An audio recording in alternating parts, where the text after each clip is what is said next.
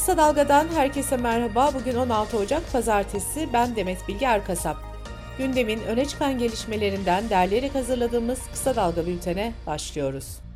CHP Genel Başkanı Kemal Kılıçdaroğlu'nun TV100'de Uğur Dündar'ın programına konuk olduğu yayın önceki akşam banttan yayınlandı.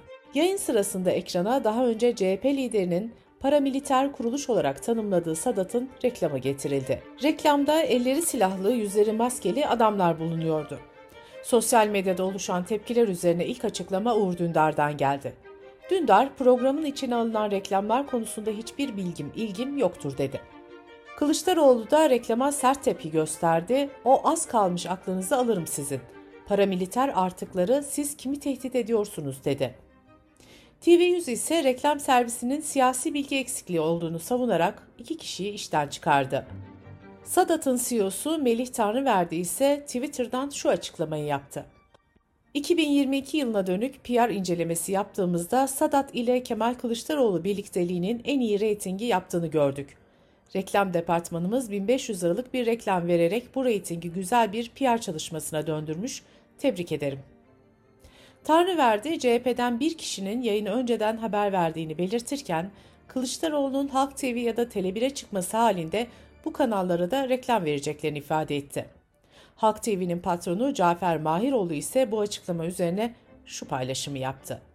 Halk TV paramiliter bir yapının reklamlarına yer vermeyecek kadar hukuka bağlı, demokrasiye inanan milyonların kanalıdır. MHP Genel Başkanı Devlet Bahçeli dün itibariyle seçim startını verdiklerini söyledi. Bahçeli 18 Haziran'da yapılması planlanan Cumhurbaşkanlığı ve milletvekili seçiminin erken alınmasına dair önemli bir açıklama yaptı. Bahçeli önümüzdeki bahar mevsimi aynı zamanda sandık ve seçim mevsimidir dedi. Bahçeli altılı masaya da Cumhurbaşkanı Erdoğan etrafında kenetlenme çağrısı yaptı. CHP Genel Başkanı Kemal Kılıçdaroğlu da dün İzmir Büyükşehir Belediyesi'nin ilkokul temel atma törenine katıldı. CHP lideri partili belediye başkanlarına şöyle seslendi. Çocukların beslenme çantalarını mutlaka doldurun.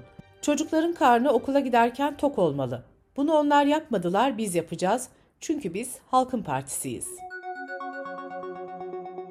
HDP, Türkiye İşçi Partisi, Emek Partisi, Toplumsal Özgürlük Partisi, Emekçi Hareket Partisi ve Sosyalist Meclisler Federasyonu'nun kurduğu Emek ve Özgürlük İttifakı ilk mitingini dün İstanbul Kartal'da yaptı.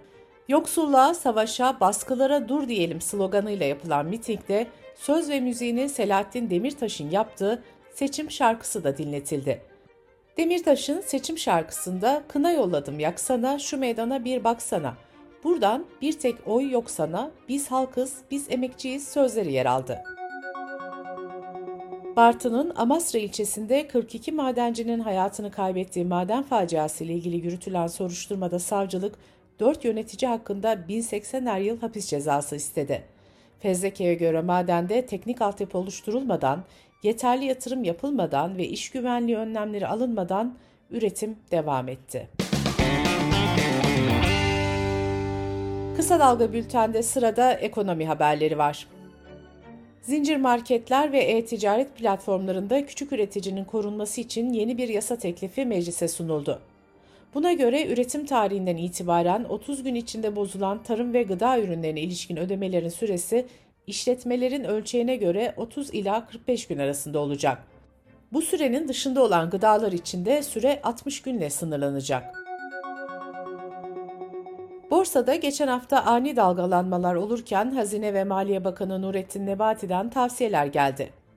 Borsadan korkmasınlar ama mutlaka finansal okur yazar olsunlar diyen Nebati, danışmanlık üzerinden gidilebilir. Kısa günün karını öncelemesinler. Borsayı bir kumarhane gibi görmesinler dedi. Emeklilikte yaşa takılanlar düzenlemesini Cumhurbaşkanı Erdoğan yaklaşık iki hafta önce açıkladı. Ancak henüz düzenleme ile ilgili yasa çıkmadı. Yasanın önümüzdeki günlerde meclise geleceği belirtilse de net tarih verilmedi. Ancak bakanlardan peş peşe maaşlarla ilgili açıklamalar geldi.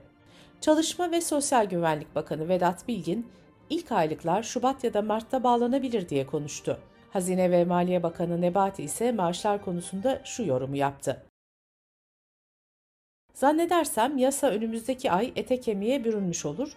Biz hazırız. Bakanlıklar maaş için hazır olduklarını açıklasa da milyonlarca kişinin aklında EYT'nin neden bir türlü meclise sunulamadığı sorusu var. Gazete Duvar'da yer alan kulis haberine göre AKP'liler gecikmenin nedenini maliyete bağlıyor. Habere göre parti içinde düzenlemenin seçim sonrasına kalması dahi konuşulmuş. Ancak seçmenin güvenini sarsacağı için reddedilmiş.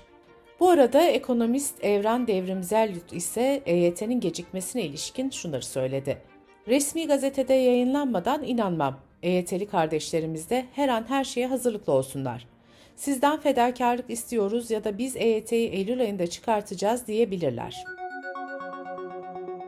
Cumhurbaşkanı Recep Tayyip Erdoğan geçen hafta sözleşmeli personelin kadroya alınacağı yönünde açıklama yapmıştı.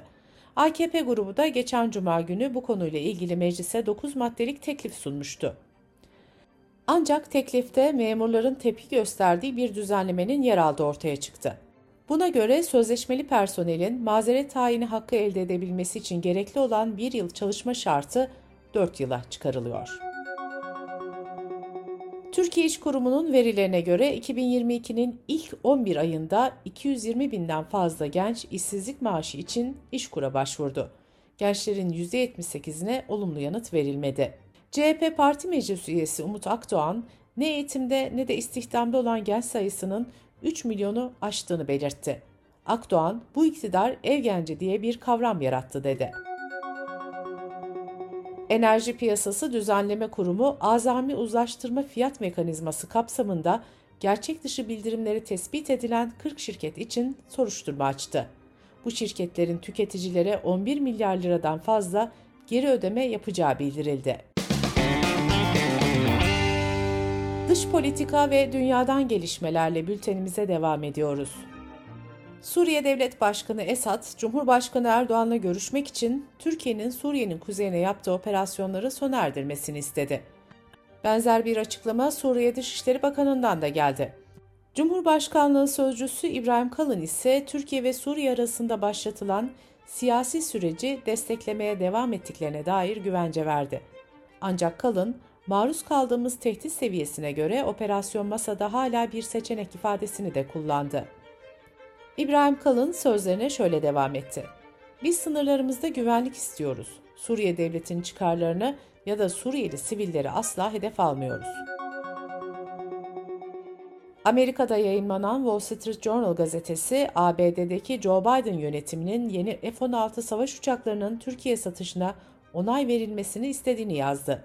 Satış gerçekleşirse Yunanistan'a yapılacak F-35 satışıyla aynı zamanda süreç ilerlemiş olacak. Gazetenin Amerikalı yetkililere dayandırdığı haberine göre Biden yönetimi Türkiye'ye F-16'ların satışının İsveç ve Finlandiya'nın NATO üyeliklerinin onaylanması karşılığında yapılacağını söyleyecek. NATO'da halen İsveç ve Finlandiya'nın üyeliğini parlamentolarında onaylamayan iki ülke var.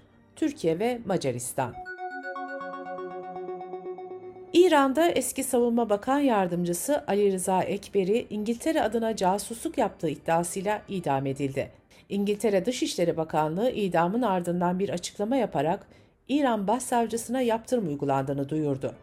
Yaptırımın başsavcının varlıklarını dondurma ve İngiltere'ye seyahat yasağını kapsadığı belirtildi. Arada dünyanın en çok doğal gaz çıkaran ülkeleri arasında yer alan İran'da teknik nedenlerden dolayı devlet daireleri ısıtılamıyor. Bazı eyaletlerde daireler tatil edildi. TRT'nin haberine göre başkent Tahran'da valilik kamu çalışanlarına uyarı yaptı.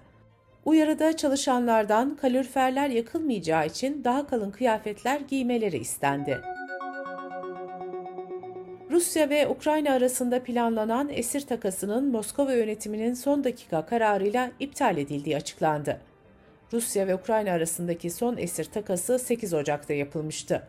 Bu kapsamda 50 Ukraynalı askerle 50 Rus asker serbest bırakılmıştı.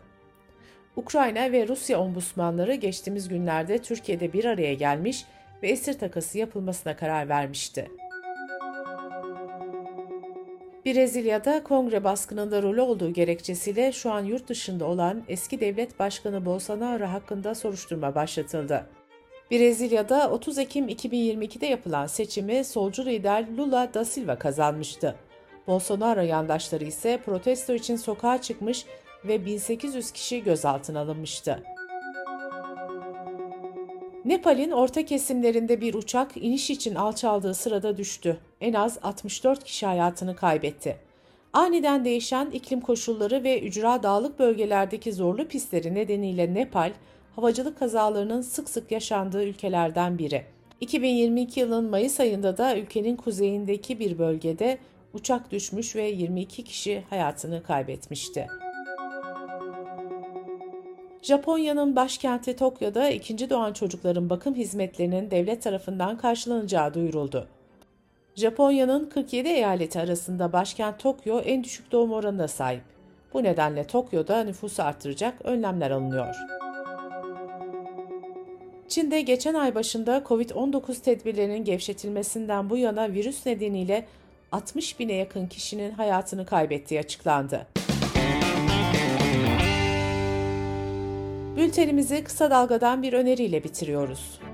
Gazeteci Yeşim Özdemir'in hazırlayıp sunduğu Kitap Konu Kahve programının bu haftaki konu gazeteci yazar Nilay Örnek. Kitap Konu Kahveyi kısa dalga.net adresimizden ve podcast platformlarından dinleyebilir, YouTube kanalımızdan izleyebilirsiniz.